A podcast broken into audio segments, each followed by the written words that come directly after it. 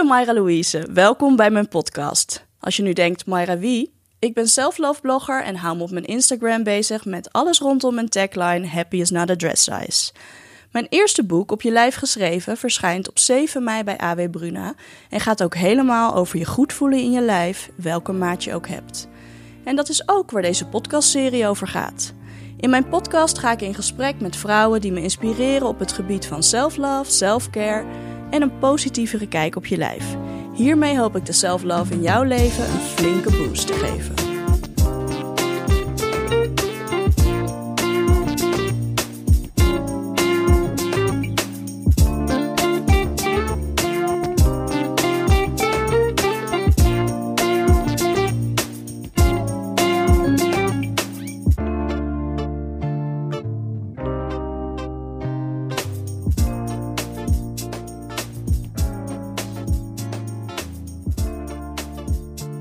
Welkom bij mijn podcast. In deze tweede aflevering gaan we het helemaal anders doen.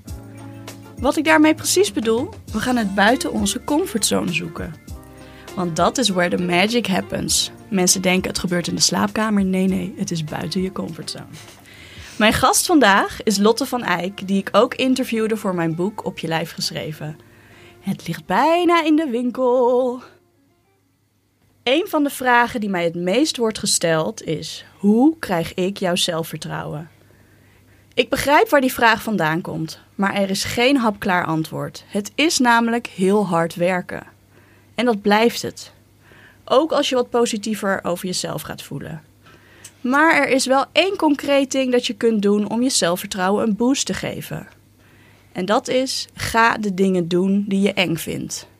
Het klinkt simpel, maar het is niet makkelijk. Ik leefde jarenlang op de handrem. Ik geloofde dat ik dunner moest zijn om het leven te krijgen dat ik echt wilde. Nu weet ik inmiddels dat dit onzin is, maar daar kwam ik pas achter toen ik de dingen ging doen die ik altijd al had willen doen. Dat was doodeng, ongemakkelijk, ging soms ook wel eens mis, maar het gaf mijn zelfvertrouwen wel een enorme oppepper. Lotte van Eyck weet als geen ander hoe belangrijk het is om uit je comfortzone te stappen. Ze is een van de vrouwen die haar verhaal deed in mijn boek. En vandaag ga ik met haar in gesprek over de manieren waarop zij aan haar zelfvertrouwen werkt. En hoe zij vaak haar comfortzone onbeheerd achterlaat. Welkom Lotte. Hi. Super tof dat je er bent. Ja, ik heb er super veel zin in. Yes, dat is wat we willen. Vertel, ehm, wie ben je en wat doe je? Nou, mijn naam is Lotte en ehm, ik ben afgestudeerd als fotograaf. En daar begon ook eh, dit hele avontuur mee eigenlijk, wat ik nu doe met eh, zelfliefde en dat soort dingen. Eh, ik begon eigenlijk mezelf te fotograferen. Mhm. En dat ben ik door gaan zetten op Instagram. En nu ben ik dus influencer, hoe je dat noemen. Heel echt een rot woord, maar goed.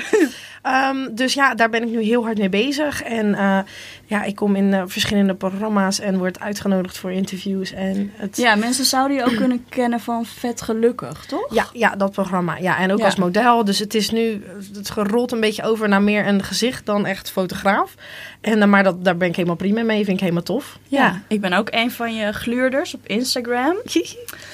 Ik vond jouw account echt te gek toen ik het voor het eerst zag. Dankjewel. God, wie is dit? Wat doet zij? zij heeft scheid aan alles. I love it. Thank you, thank you. Ehm, nou, je vertelde net al wat je allemaal doet. Fotograaf, danseres, model. Eh, en voor mij dus een van de vrouwen die op haar Instagram echt laat zien... hoe belangrijk het is om gewoon lak te hebben aan wat de wereld van je denkt. Mhm. Ehm, in mijn boek vertel je hier ook over. Maar doordat ik je heb gesproken, weet ik ook dat het jarenlang anders is geweest bij jou. Nu heb je die attitude van, yo, ik mag ja, er zijn. inderdaad. Maar vroeger was dat niet zo. Kun je ehm, de luisteraars daar wat over vertellen? Ja, nou, toen ik jonger was, ehm, ja, we leven natuurlijk allemaal op in, in de westerse maatschappij, in dezelfde westerse maatschappij. En dat is gewoon heel erg um, fatphobic, weet je wel? Het Ja. is, je moet afvallen en je hoort niet dik te zijn, want dat is heel slecht voor je. Want dikke mensen hebben diabetes, dikke mensen hebben dit. Nou ja, bladibladibla. Uh, dus mijn ouders waren ook heel oplettend met mijn voeding en ehm, eh, met trainingen en dat soort dingen, omdat ze gewoon um, ik ben altijd een chubby kid geweest. Ja. Dus hun wilden niet dat dat zeg maar even in ja, wat gekke woorden escaleerde, zeg maar, naar Ja. dus heel groot. Want mijn vaders kant van de familie, ze zijn allemaal hele grote mensen, Ja. dus ook gewoon dikke mensen. En de kant van mijn moeder zijn allemaal hele kleine, dunne mensen. Dus zo is het ook met mijn zusje en mij. Ik ben dik en mijn zusje niet. Dus, Ja. Maar we komen uit dezelfde moeder, we hebben dezelfde opvoeding, hetzelfde eten enzovoort. Dus, ehm, dus dat was voor mij als kind kreeg ik al een bepaalde denkwijze van... eh, mijn zusje kreeg wel een snoepje en ik bijvoorbeeld niet. Nee. Want ik moest letten op mijn eten, Ja. weet je wel. Ehm, en ik denk, dat heeft mij wel heel erg geschaad. En een soort traumatische ervaring gegeven met je lichaam en je voeding en dat soort dingen. Omdat je gewoon altijd verteld wordt van, je moet anders zijn dan dat je nu bent, Ja. weet je wel. Dus ja, daar krijg je geen eh, zelfvertrouwen door. Doordat je dan zoiets hebt van, ik ben, eh, je bent niet goed zoals je bent dan. Dat wordt eigenlijk, eigenlijk gezegd. Ja. En vanuit mijn ouders perspectief hebben ze het alleen maar goed willen doen, even tussen haakjes. Maar ehm, ik weet niet of het me per se heel veel goeds gebracht heeft. Nee. Uh, maar ja, voor hun is het ook een beetje pressure. Je gaat naar de schooldokter en die schooldokter die zegt van tegen je, ja, je kind is dik. Ja, Ja. eh, dat kan ik ook wel zien dat mijn kind dik is, weet je wel. Maar Ja. weet je, nou, daar werd mijn vader toen ook heel kwaad over. Maar ja, goed. Dus alles gedaan eh, wat, ze, wat ze dachten dat ze daarvoor konden doen. Maar eh, als ik nu eraan denk en ik zou mijn kinderen opvoeden die eh, dik zijn, dan zou ik het wel anders doen. Wat zou jij zelf zeggen. anders doen? Nou ja, ik zou hem wel vrijlaten in ehm, wat betreft hun voeding, weet je. Want als je, dat is nu zelf ook, als je nu op een oudere leeftijd op dieet gaat, dan merk je, je gaat jezelf dingen, ehm, ehm, je mag dingen niet. Weet je, Ja. je gaat gewoon dingen afkappen en dan krijg je juist meer die honger en die lust naar, ik zeg maar wat, M&M's, die je Ja. heel de tijd niet mag. En als je dan eh, de- eh, zegt van, ik heb een cheat day, weet je wel, dan ga je vijf zakken M&M's zitten eten. Terwijl als je gewoon M&M's zou eten, zou je misschien eh, een handje M&M's nemen op een dag en, dan, is het weer je- klaar, weet je wel? Ja. ja. Dus zo zie ik dat heel erg. Weet je wel, maar ja, wat je zegt, ik heb geen kinderen, dus ik kan ook niet spreken over kinderen opvoeden. Maar ik denk dat ik het zo zou doen, dat ik ze niet die drukte op zou leggen van, ehm, ja, je bent dik, dus je moet afvallen. Nee, Ja. je bent dik en wees gewoon trots op jezelf. Ehm, en doe gewoon waar jij je goed bij voelt, weet je wel. En als ouders kan je dat natuurlijk nog wel sturen, maar niet in een eh, straffende manier. Snap Nee, je wat precies. ik bedoel? Ja. Want ehm jouw ouders hebben ook een dansschool Ja. eh, altijd gehad. Dus jij be- bewoog ook heel Ja. veel. Je hebt altijd gedanst. Ehm, maar dan moest je bijvoorbeeld nog extra gaan bewegen ook. Ja, ik danste misschien wel 14 uur per week. Dus dat Ja. is echt heel veel. Eh, dus ik was altijd was ik aan het bewegen. Maar toch was het dan van, ja, maar doe dan ook nog cardio, weet je wel. En toch nog meer en meer, weet je. Maar dan krijg je als kind ook... Weet je, ik heb nu een hekel aan een fitnessruimte. Omdat ik gewoon... Ja. Dan moest ik als kind moest ik een uur op de loopband gaan staan. Weet je, en dan ging mijn vader Ja. krachttraining doen. En dan kon ik tijdens... Maar ja, wat, is saai als kind dan lopen in een ruimte waar je niks te doen hebt, weet je wel. Nee, Dus ja, voor mij heb ik nu echt zoiets van... nee, weet je, laat dan kinderen op een leuke manier... gewoon lekker met elkaar rennen over dat speelplein, weet je. Want dan is het ook. Maar, Maar omdat, het ging bij jou dus ook heel erg van je doet dit omdat we willen dat je om, afvalt. ja, omdat je af moet vallen... of omdat je dit lichaam nu moet behouden... en niet zwaarder moet worden, Ja. zeg maar, in die zin. Ja, dus... ehm, maar ja, het moet gewoon leuk zijn, weet je wel. Jij vertelt ook eh, in het boek over eh, de relatie met je oma. En dat Ja. jullie eh, heel close waren. Want je oma Ja. was ook nou, een dikkere vrouw. Ja. Ehm, maar jullie gingen dus ook samen lijnen. Kun je vertellen hoe dat is gegaan? Ja, mijn vader was dan degene die dus ook altijd groot is geweest, maar mijn oma ook. En mijn oma was ook een vrouw, dus dan snap je elkaar toch meer. Omdat je alle twee, je bent een vrouw en je bent dus zwaar.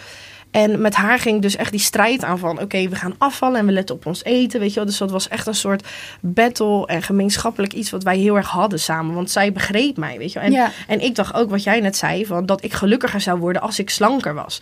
Maar ik werd er eigenlijk alleen maar ongelukkiger van. Want je zit niet goed in je lichaam, omdat je constant maar... een soort van schreeuwt tegen je lichaam. Wordt kleiner, wordt kleiner, wordt Ja, kleiner. je wijst het hele tijd Ja, af. je groeit Ja. niet, weet je wel. Als, Nee. als in eh, eh, van binnen, weet je wel. Je groeit niet meer van binnen.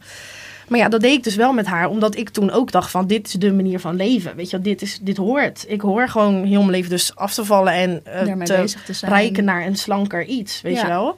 Eh, dus zij was ook echt wel heel erg mijn vertrouwenspersoon. Want ik zeg ook altijd tegen mensen van... je weet niet hoe het is om dik te zijn totdat je zelf dik bent. Weet je wel? Dan, dan weet je pas hoe je Nee, dat is ook afgewezen door, door, worden, door de maatschappij en hoe, je, hoe mensen je behandelen.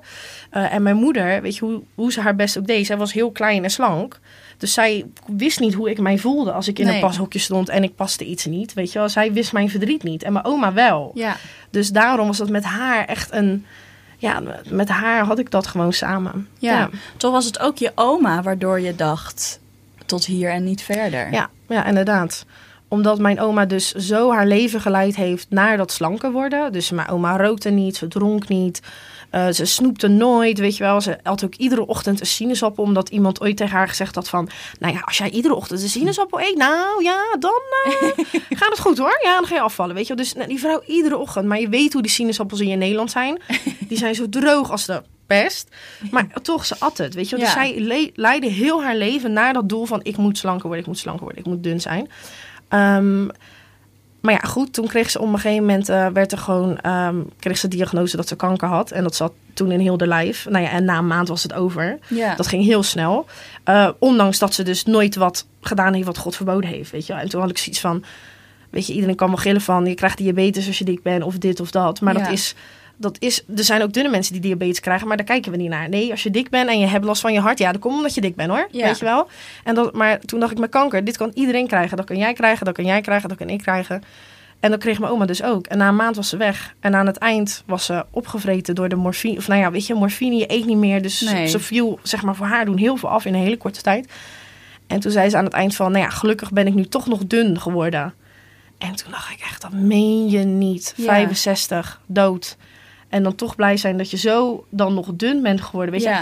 En ik dacht echt, nee, dit ga ik niet doen. Ik ga dat was niet. echt jouw. Dat was echt mijn keerpunt. Ja, Dat ik echt dacht, weet je, en het is niet dat ik gelijk de volgende dag dacht van, oh, ik krijg allemaal de scheid maar en ik doe waar ik zelf zin in heb. Nee, weet je, zo werkt iets niet. Maar het was wel dat ik echt zoiets had van, dit wil ik niet. Ik wil niet mijn hele leven gaan leven voor de behoeften van iemand anders die mij graag dun wil zien. Terwijl ik me eigenlijk prima voel in mijn lichaam. Weet je? Ik, ik heb nergens last van. Ik kan doen wat ik wil. Ik kan rennen, dansen, springen. Uh, ja, noem het maar op. En toen heb ik echt gezegd van Lot, dit ga je niet meer doen. Dit is gewoon klaar. Je ziet, je wordt er niet gelukkig van. Ga nu leven voor jezelf. Hoe heb je dat aangepakt? Want je was toen nog super jong. Ja. Je was 15. Toen ik 15 was, zat ik net vol in mijn hele afval obsessie. Ehm, maar jij bent toen dus echt aan de slag gegaan met dat doorbreken. Ja, ik heb echt. Uh, het was wel nog natuurlijk. Ja, je bent 15, dus je ouders monitoren je nog steeds, weet je wel. Um, maar ik ben heel erg een emotieeter. Dus ik ben ook na mijn oma de dood ben ik heel veel gaan eten. Zeg maar heel veel stiekem gaan eten. Dat krijg je natuurlijk ook van als je ouders niet willen dat je snoept. Ja, en je krijgt op een gegeven moment zelf geld, want je hebt een maandje. Dan ga je zelf bij de Albert Heijn wat halen. En dat is ook het gevaar van een soort van dat je geshamed wordt om te eten.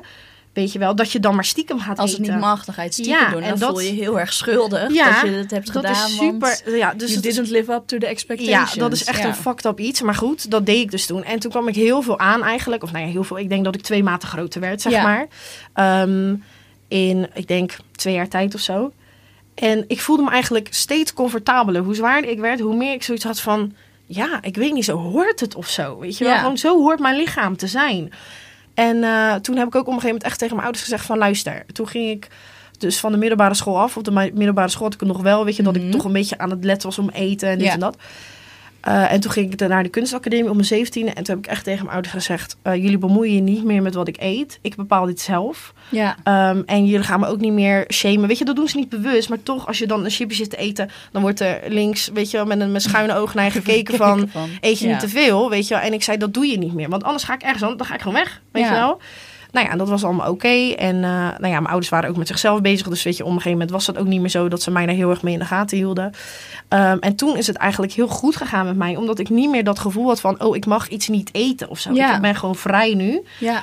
Um, en toen is het eigenlijk alleen maar, ja, in de stijgende lijn gegaan met mijn zelfliefde en hoe ja. ik met mijn lichaam zat. Ja. precies. Want jij bent op een gegeven moment uh, uh, fotografie gaan studeren. Ja. Um, en dat is ook een heel belangrijk punt in jouw ja, um, zelfacceptatie en zelfwaardering. Ja, want ik was daar bezig en ik was super jong, 17. En de meesten die daar begonnen waren al in de 20, uh, midden 20. Um, en ik begreep er gewoon een soort van niks van. Omdat ik, weet je, ik kwam er dus met een doel. Ik wilde heel graag dat beeld dus ook van dikke mensen gewoon positief maken. Weet je, omdat natuurlijk ook in de media alles size zero, dat is het perfecte plaatje. Ja. Voor de rest wordt er niks laten zien. Terwijl uh, 95% van de mensheid ziet er niet zo uit. Dus waarom doen we alsof dat wel zo is? Ja. Dus dat wilde ik heel graag doen. En ik was een beetje mijn weg kwijt. En op een gegeven moment aan het eind van het jaar, toen dacht ik van Mm, als ik dit dus wil doen, dus dikke vrouwen wil fotograferen, want ik had een droom van, die komen ooit in een Playboy door mij gefotografeerd, weet je, hup, hup, hup. Maar toen dacht ik van ja, uh, maar als ik dus iemand ga fotograferen, dan zit er altijd een grens bij iemand. Weet je, ja, maar ik wil niet dat je van deze kant fotografeert hoor. Weet je, of dit of dat. Ja. En ik dacht, als ik nou mezelf ga fotograferen, dan zijn die grenzen er niet. Ja, mijn eigen grenzen. Maar Ja. ik kan die dan ook verder trekken, weet je wel. Ja. Dus toen ben ik de camera naar mezelf gaan draaien. En dat is voor mij echt een soort van zelfliefde therapie geweest. Als in, ik zag eindelijk mezelf op een plaatje gerepresenteerd zoals ik dat wilde. Natuurlijk ging dat ook met baby steps. Ja. Maar toen ben ik ook de eerste keer full on naked gegaan. Omdat ik een Kim Kardashian eh, parodie had gemaakt. En dat was heel confronterend. Want ik dacht, wow, ik zie ineens mezelf naakt hier, weet je wel. Ja. Ik laat het zien aan mensen. En dat was allemaal heel intens. Maar dat had zo'n vrij gevoel dat ik zoiets had van, ja, dit ben ik. Weet Ja. je wel. En punt, gewoon klaar. Nou ja, sindsdien ben ik daar niet meer mee gestopt. En eigenlijk alleen maar steeds een stapje verder genomen. Ja. En heel erg proberen de kijker in te betrekken. En ook zichzelf thuis te kunnen voelen in mijn foto's. Van, oh ja, dit zou ik ook kunnen zijn. Nou ja, als zij het kan, dan kan ik het ook. Weet je wel? En dat gevoel wil ik heel erg opwekken. Je hebt ook uiteindelijk eh, van jouw Instagram-feed je afstudeerproject gemaakt. Ja, ja, soort of, ja. Eh, dus je hebt jezelf heel veel gefotografeerd. Ehm, en dat deed je ook echt vanuit alle mogelijke hoeken. Ja. En je vertelde aan mij dat ehm, je hierdoor leerde ehm, hoe je er echt uitzag. Ja. En om, om te wennen aan je lichaam. Ja. Maar ook dat het je hielp dat je dan niet meer schrok van Ja. bijvoorbeeld een onverwachte foto. Ja.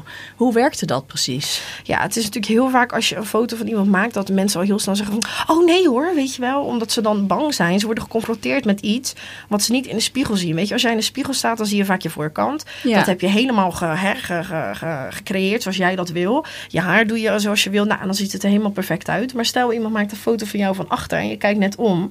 Dan denk je ineens... jezus, die onderkin of weet ik veel wat. Weet je wel, dan schrik je. Ja. En ik had zoiets van, ik wil gewoon niet meer dat me dat overkomt. Want ik zie er zo uit. Daar moet ik gewoon mee dealen, weet je, klaar. Ja. En laat ik er dan ook maar van gaan houden, weet je. Dus ik heb me van iedere mogelijke kant gefotografeerd.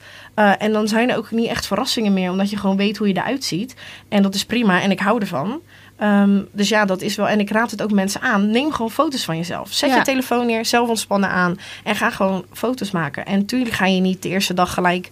eh, als je bijvoorbeeld eh, je billen niet mooi vindt. van je billen een foto maken. Maar dat komt dan vanzelf wel, Ja. weet je wel.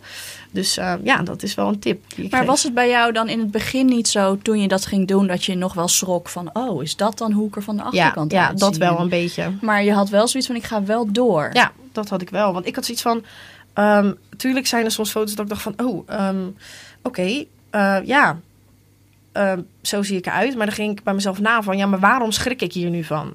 Ja. En dan ging ik weer online. En dan zag ik weer een foto van een perfect ruggetje. Wat dan slank en hup, hup, en gebruind. En met een olietje eroverheen, weet je. En dan dacht ik, ja, daarom schrik ik hiervan. Want we zien dit niet in de media. Terwijl Ja. mijn rug gewoon fucking normaal is. Snap Ja. je?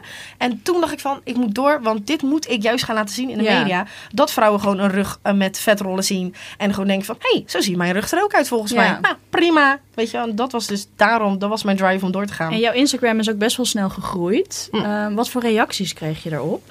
hele positieve reacties. Even afkloppen.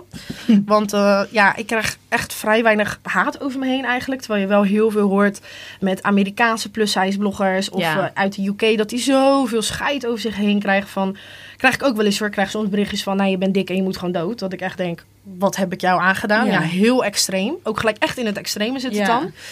Ehm, maar voor de rest over het algemeen niet. En mensen zijn juist heel blij en heel opgelucht dat iemand dit doet. Want eindelijk zien ze een positieve, mooie, kwetsbare, sensuele representatie van zichzelf. En dat was ook echt mijn doel. Want deze Instagram begon meer als een soort van echt zo'n kunstenaarsproject van eh, ik doe alsof ik model ben en dan laat ik aan heel de wereld zien dat ik eigenlijk helemaal geen model ben en zo iedereen kan model zijn. Maar ja, toen op een gegeven moment re- bereikte ik duizend volgers en toen dacht ik echt, huh, oké, weet je wel. Nou, en toen bereikte ik eens 5000 volgers en toen dacht ik echt, wow, oké. En het werd zo positief ontvangen dat ik dacht, ja Lot, ga je hier nu gewoon serieus mee door, weet Ja. je, van dit is echt iets wat mensen nodig hebben. Ehm, dus ja, en zo is dat gewoon Want het begon eigenlijk als een tijdelijk statement. Ja, en nu een soort van wel, ja. is het echt een verlengstuk van jou geworden. Ja, ja, inderdaad. Ik zit nu bijna aan de 20.000. Super trots op. Ja. En, eh, dus ja, het gaat, eh, het gaat wel lekker, ja. Ja, echt super tof.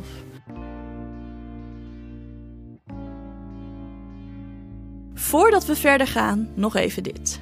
Voordat je nu denkt dat ik iets tegen comfortzones heb, zeker niet. Ik gebruik mijn comfortzone als plek om te chillen en om op te laden. Het is als het ware mijn safe space. Maar na jarenlang mezelf verstoppen, werd die comfortzone toch een beetje oncomfortabel.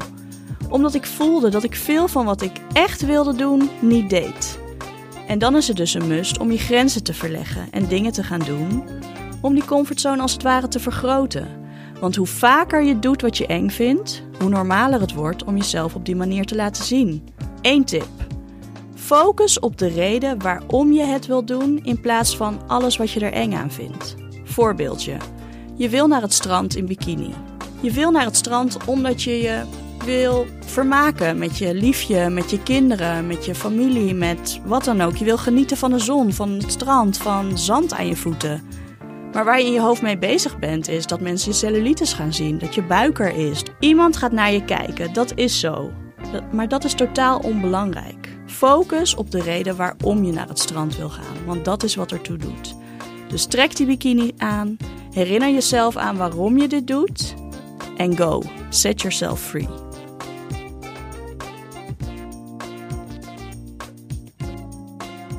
Hoe bewust ben jij bezig met dingen buiten je comfortzone doen? Hoe bewust ik daar bezig ben? Nou, ik moet zeggen dat ik uh, persoonlijk in mijn privéleven heb ik de laatste drie jaar een beetje op um, survival stand gestaan. Door dingen die er gebeurd zijn.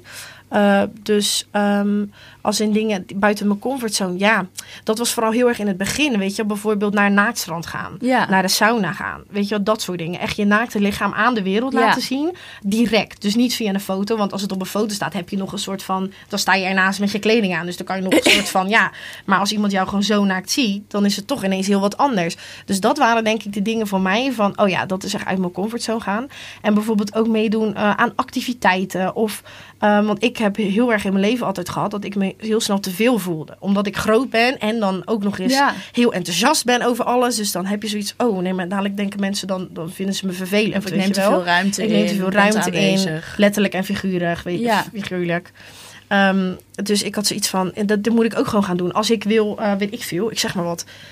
Um, en ik wilde heel raar kameel, op een kameel rijden, maar dat heb ik nog nooit gedaan. Maar ik bedoel, zeg maar, weet je, gewoon als je iets wil doen, doe Ja. het gewoon. Als je wil gaan duiken, ga gewoon duiken. Dan moeten we maar zorgen dat er een groter pak is. Dat soort dingen bijvoorbeeld. Ja. Weet je, als je dat leuk vindt, ga dat gewoon doen. Je moet niet denken van, oh ja, maar misschien hebben ze mijn maat niet. Weet je, want dat kan ik me heel goed voorstellen dat je dat hebt.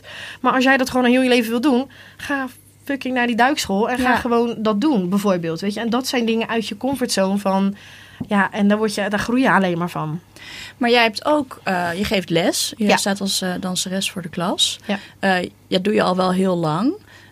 Maar hoe heeft dat zich ontwikkeld? Want je bent je bewust van het feit dat je een groter lijf hebt. En dat de mensen in jouw lessen vaak slanker zijn. Zeker als ze nieuw zijn, dan komen ze binnen en dan denken ze...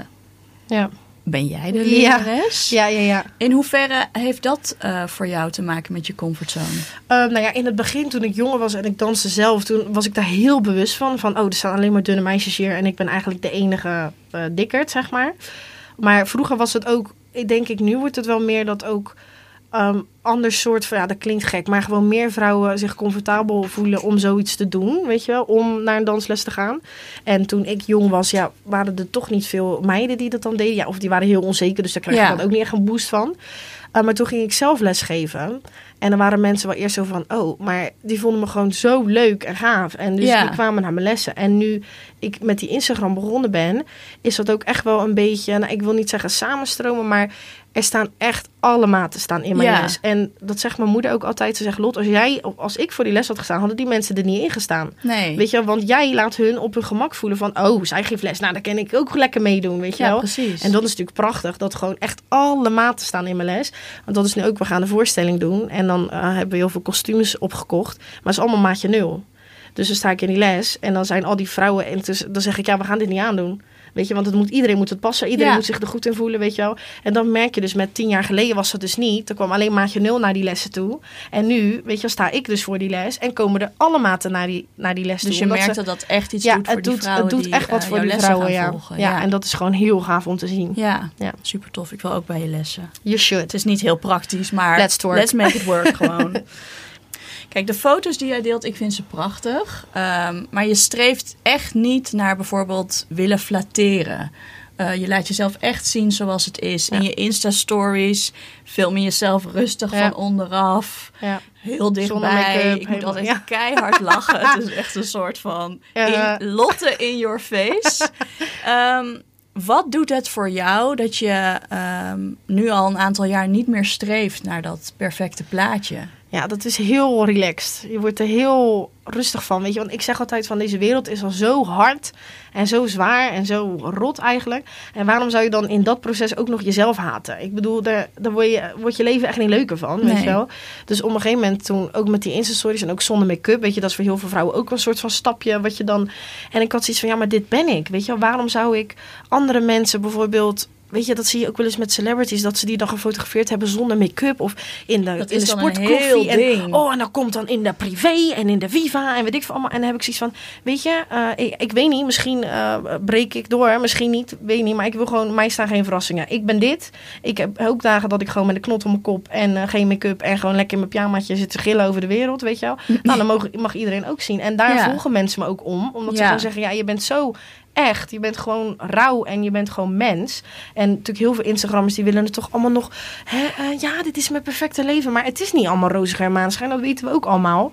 Dus eh, nee, ja, ik vind dat juist eh, gewoon heerlijk. Weet je, zo ben ik. En dat mag, mag, mogen mensen ook zien. Wat laat jij niet zien? Of waar heb je zoiets van, ja, dat is van mij, dat hou ik bij mezelf? Ehm, nou, ik heb dat heel erg, zeg maar, bijvoorbeeld met mijn lichaam. Ik heb natuurlijk dan even, ik doe even lichaam en eh, gewoon mind en hoe het dan zit, zeg maar, in je privé situatie. Ehm, ik heb dat heel erg, zeg maar, met mijn, ja, hoe noem je dat? Mijn vagina, met mijn punani, zeg maar. Dat ik, ik heb mijn borst, heb ik echt geen probleem, weet je. Mag je allemaal zien, prima. Maar met dat stuk heb ik toch wel zoiets van, nee, dat moet wel voor mezelf Ja. blijven en mijn geliefde en dat Ja. soort dingetjes. Ehm, dus dat qua lichaam, dat ik zoiets heb van, nou, dat hoeven mensen niet te zien. Eh, en qua ehm, ja, privéleven, weet je, je maakt gewoon dingen mee. Je maakt dingen Ja. mee die heel zwaar zijn. Eh, en dat hoeft niet iedereen te weten. Want ik, weet je, je leven ligt natuurlijk al heel erg bloot op zo'n Instagram. Mensen weten wie mijn vrienden zijn. Mensen weten hoe of wat. Weet je, een beetje waar je woont, enzovoort, enzovoort. Maar eh, ik ga ze niet vertellen over de heft. Weet je, tuurlijk zet ik wel eens op Instagram van zo, ik heb echt een kutdag. En eh, ik voel me bleu, weet je wel. En dan, nou, dan pak ik lekker een theetje. Want mensen mogen ook wel zien dat je je gewoon niet goed voelt, Ja. weet je wel. Maar ik ga niet uitgebreid zitten vertellen waarom, wat de situatie Nee. is. Want dat is wel gewoon voor mezelf. Je houdt de focus wel Ja. echt op wat jouw missie is Ja, online. precies. Ja. Ehm, nou ja, we hadden het net al heel kort over vetshaming. Mhm. Je hebt daar, eh, net als ik, ook niet extreem veel mee te Nee. maken. Eh, maar het gebeurt wel. Ja. Eh, je krijgt online ook wel eens reacties. Ja. Maar ook offline. Ja. Vertelde je dat als je bijvoorbeeld op een festival staat... in een crop top en een kort broekje... dat, Ja. dat je wel eens gewoon in je gezicht bent uitgelachen. Of dat je merkt dat mensen reageren op wat je aan hebt. Ja. Eh, kun je een paar voorbeelden geven en ook ehm, vertellen hoe jij hiermee omgaat? Ja, dat is inderdaad. Ik heb het, wat ik net al zei, online niet zo heel erg, maar offline dus wel echt eh, heel erg. Dat ik, want ik hou er gewoon van om mezelf ehm, eh, uit te drukken in mijn kleding, weet je. En dat is niet altijd een kooltrui en een zwarte broek en een zwart vest. nee, je zit hier nu ook in een eh, k- crop top, wikkeltop Ja. ehm, en een strakke spijkerbroek. Ja, precies. En ik hou daar gewoon van. En, maar er zijn toch hier in Nederland is het gewoon zo bekrompen. Want iedereen denkt, ho ho, jij bent dik. Waarom heb je geen tent aan? Weet je wel, gewoon Ja. letterlijk zo. Uh, dus mensen lachen me letterlijk in mijn gezicht uit. Die draaien zich om, praten tegen degene waar ze mee zijn over wat ik aan heb. Dan hoor ik het gewoon, weet je wel. En nou, ja, gewoon belachelijke dingen. En ik heb ook wel eens gehad dat een meisje een filmpje van me ging maken... dat ik naar haar toe liep van... joh, sorry, maar wat ben je aan het doen? Weet je Ja. wel? Ja, ja. En weet je dan... Ik ga, ik ga niet tegen haar zeggen, je moet dit verwijderen. Want wat ik zeg, iedereen weet hoe ik eruit zie op Instagram. Wat, wat ga je met dat filmpje doen, weet Ja. je wel? Maar toch, dat zijn fuck dat dingen, weet je? Dat Ja. je denkt, waarom? Laat mij zijn wie ik ben. Ik doe jou niks. Ik scheld jou niet uit. Ik, ik, ik, ik doe letterlijk niks. Ik, ik sta hier gewoon, Je weet je bestaat wel? gewoon. Ja. ja. En dat vind ik heel erg. En dat mensen echt naar je toe komen met eh, gewoon dieettips, random. Zo van, oh ja, maar eh, luister, misschien moet jij dat ene shake dieet gewoon. En dan denk ik, ik ken jou helemaal niet. Hou je bek joh, wie ben jij? Ja, gewoon, Ja. daar kan ik zo kwaad over worden. En ogen, de blikken. Je weet gewoon dat er over je geroezemoest wordt. En Ja. soms maakt dat mij ook gek. Dat ik denk, nou dan doe ik de volgende keer maar even een tent aan. Om gewoon een break daarvan te hebben. Want dat Ja. is mentaal zo zwaar. Eh, en ja, hoe ik ermee omga. Ik heb echt één keer gehad. eh, toen kwam een man, en dat heb ik echt al een paar keer gehad. Dan heb ik tops aan. En ik heb best wel grote borsten. En ik stond met een hele vriendengroep. En ik kwam naar me toe en hij zegt: Mag ik wat tegen je zeggen? Dus ik zo, nou ja, zeg maar. Hij zegt: Ja, wat heb jij verschrikkelijk lekkere grote borsten, zeg. En ik zo, pardon? Ik zeg: Vind je dat normaal? Ja. Ik zeg: Dit is gewoon sexual harassment hoor, wat je nu aan het doen bent. Ja.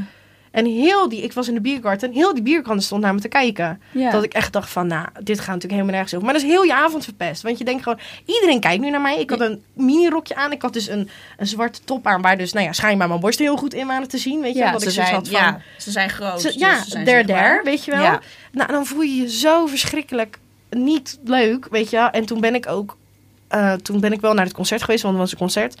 En toen ben ik naar huis gegaan en dan moet ik mezelf wel echt herpakken. Dat zijn Ja. wel echt heftige momenten voor mezelf vooral. Dat ik echt denk, oké Lot, dat is, dat is één iemand. En dan zeggen ook wel eens mensen van, ja, maar hij gaf je toch gewoon een compliment. Dat ik denk, huh? Nee. En mannen hè, zeggen dat dan, van is toch Ja. compliment. Dat ik echt denk, wow, jij snapt echt niet hoe de wereld in elkaar zit. Maar goed. Ehm, maar ik heb zoiets van nee, want al die ogen waren op mij. En iedereen Ja. doet gelijk dit. Die draaien zich om en die gaan, oh my god, zie je wat je aan hebt? Weet je wel? Ja. Nou, en dan, en dan moet ik me echt herpakken. En dan denk ik, Lot, adem hem gewoon. Weet je, jij voelt je hier fijn in. Jij bent gelukkig zo. En daar gaat het om. Wat Ja. de rest ervan vindt, laat ze alsjeblieft neervallen. Want je hebt er gewoon niks mee te maken. Ik zie die jongen één keer daar en ik zie hem nooit meer. Ja. Waarom zou ik dan over zijn mening in gaan zitten? Over mijn borsten? Of Ja. over de rest die daar zat, weet je wel? Worden dat Ehm, soort dingen minder zwaar als het vaker gebeurt? Of blijft het gewoon Nee, dat blijft echt rot. Dat zeg ik gewoon eerlijk. Dat blijft gewoon. Want ik, ik snap het niet. Ik ben heel erg iemand van leven en laat leven. Ehm, en ik zou, ik, ik zou ook nooit tegen iemand zeggen van. ehm, "Hey, jij ziet er niet uit. Of iemand uitlachen. Of ik, ik snap niet waarom jij opzettelijk iemand anders pijn zou doen. Zonder dat diegene jou ook mee iets aangedaan heeft. Ja, Ehm, dus het doet mij gewoon als mens heel erg pijn. Ook mijn hart doet het heel erg pijn. Dat Ja. ik denk, waarom zijn mensen zo? En waar komt dit? Dit komt alleen maar uit jouw eigen onzekerheid. Dat jij mij nu gaat, belachelijk gaat staan maken. ja ik hoorde laatst eh, dat eh, dat soort shaming en opmerkingen maken over mensen hun uiterlijk. Dat het eh, iets is wat mensen nodig hebben om zich beter te Ja. voelen over zichzelf. Dat Ja. ze het echt hebben onderzocht. Ja. En dat het gewoon in de evolutie soort Ja, van dat heb ik ook gelezen, inderdaad, ja. Ja, ik vond het ook. En ehm, Toen dacht ik wel, oké, dan houdt het dus nooit op. nee, inderdaad, dat is het ook, ja. Ja. En eh, ja, dat houdt ook nooit op, denk ik. Dat is inderdaad mensen eigen om gewoon. Maar weet je, je haalt liever iemand naar beneden dan dat je tegen iemand zegt van, wow, ik ben zo trots op je, weet je. En eh, je ziet liever iemand falen dan dat iemand het heel goed doet. Dat is ook een beetje, Ja, In terwijl onze jij, jij bent helemaal tegenovergesteld. ja. Ik heb liever dat jij met je boek dadelijk eh, 300.000 boeken, nou, miljoenen dat zou lekker verkoopt. zijn. Ja, Hey. maar toch? Ja, maar zo, zo denk ik. Maar er zijn misschien Ja. ook mensen in deze plus-size-wereld die zoiets hebben van... Oh, die Mayra die een boek aan het schrijven. Nou, ik hoop echt dat ze niks verkoopt. Ja. Dan weet ik zeker dat die er zijn. Ja. En, dat, en ik snap dat niet. Ik snap dat niet. Echt niet. Ik nee, je, ik geloof je echt alles. heel erg dat we elkaar hierin heel erg nodig hebben. Ja. We hadden het in de eerste aflevering ook over solidariteit. Ehm, dus op de dagen, ehm, dat vertelde Danielle, op de dagen dat zij zich eigenlijk niet super fijn voelt, dat ze toch denkt van ja, fuck, ik trek toch, ik raad mezelf bij Ja. elkaar, ik doe het voor die andere Ja, vrouw ja, dat die is het, dit moet zien, die dit nodig heeft. Ehm, en dat is ook wat ik eh, bij jou heel erg zie. Als ik op jouw account kijk, dan zie ik een soort van vrijheid. Dat vind ik lief. zo mooi. Ik krijg helemaal kipvel van. Oh. en dat, dat hangt voor mij ook samen Ja. met die solidariteit. Dat ik denk van ja, fuck Ja. it, zo hoort het te zijn, zo mag je zijn. En dat is zo belangrijk voor ons om te zien. Weet je, jij hebt dat vroeger gemist, ik heb dat vroeger gemist. Een heleboel mensen missen dat nog steeds. Inderdaad. En dat stukje zou belangrijker moeten zijn dan. Whatever. Whatever. Ja, wat dan ook. Ja, inderdaad. Ja. Ja, dat vind ik ook heel erg. Want dat eh, merk ik ook wel in de Nederlandse plus wereld dat het niet echt ehm, één is of zo. Snap je wat ik bedoel? Nee, ik heb ook het idee naarmate die groter wordt dat er meer verdeeldheid komt. Ja, dat ik denk, jongens, we zijn al een piepklein landje en mensen zijn hier al zo hier tegen. Laten we dan ook nog wel samen bundelen, Ja. weet je wel? En dan, weet je, en het gras is altijd groener aan de overkant. Dus denk nou maar niet dat bij mij alles roze geur en maneschijn is. Ik doe gewoon waar ik zin in heb. Ja. dat klinkt heel stom, maar dat, nou, dat doe ik gewoon, weet je. En ja, ik vind dat inderdaad heel... Nee, maar eh, zolang die verdeeldheid er is, Ja. gaat die grote verandering die wij eigenlijk Nee. zo nodig hebben, gaat er ja, gewoon dat, niet en komen. dat vind ik heel vervelend, inderdaad. Ja. We agree. Nou, je vertelde net van, natuurlijk maak je soms shit dingen mee, word je niet blij van, is ellendig. Ehm, hoe laat jij op? Hoe zorg je voor jezelf? Wat zijn jouw self-care dingen die je doet als je een off-day hebt of je gewoon even minder that bitch voelt? Ja, that bitch. ja, wat ik dus zei, ja, de laatste drie jaar heb ik echt in survival modus gestaan door dingen die dus in mijn leven gebeurd zijn. Ja. En ehm, dus ik was online heel erg van, je moet voor jezelf zorgen en dit en dat. En ehm, dat deed ik ook wel voor mijn lichaam, maar mentaal was ik gewoon echt even een wrak. Ja.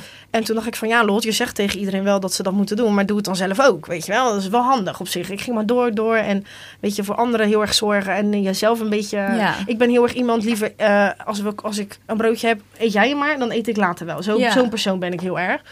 Eh, maar dat is prima, maar soms ga je er zelf aan onderdoor, weet je. En dat is een beetje bij mij gebeurd de laatste jaren. Eh, dus ik ben daar nu heel erg mee bezig van hoe laat ik mezelf weer op, Ja, weet je wel? ik zag het ook bij je verjaardagspost. Deze vrouw is pas 22 mensen.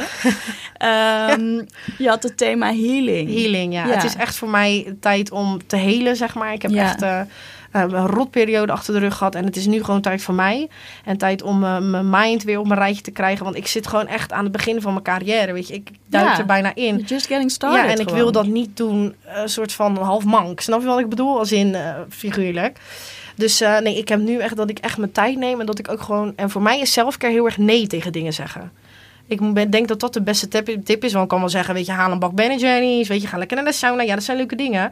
Ehm, en dat is leuk voor een paar uur. Maar dat gaat je niet helpen in de Nee, verdere lengte van Ik geloof ook dat de belangrijkste selfcare niks kost. En, ja, dat het precies, heel erg gaat ook, ja. over neem je tijd om te eten. Ja. Neem tijd om even te ademen. Ja. Wandel even. Ja, zeg nee dat. tegen ja, dingen. precies, inderdaad. Maak ruimte voor jezelf. Ja, weet je, als je een hond hebt of niet. eh, ik heb mijn hond, echt, dat is de liefde van mijn leven. Daar ga ik dan lekker mee wandelen en dan kan ik helemaal mijn kop leegmaken. Ja.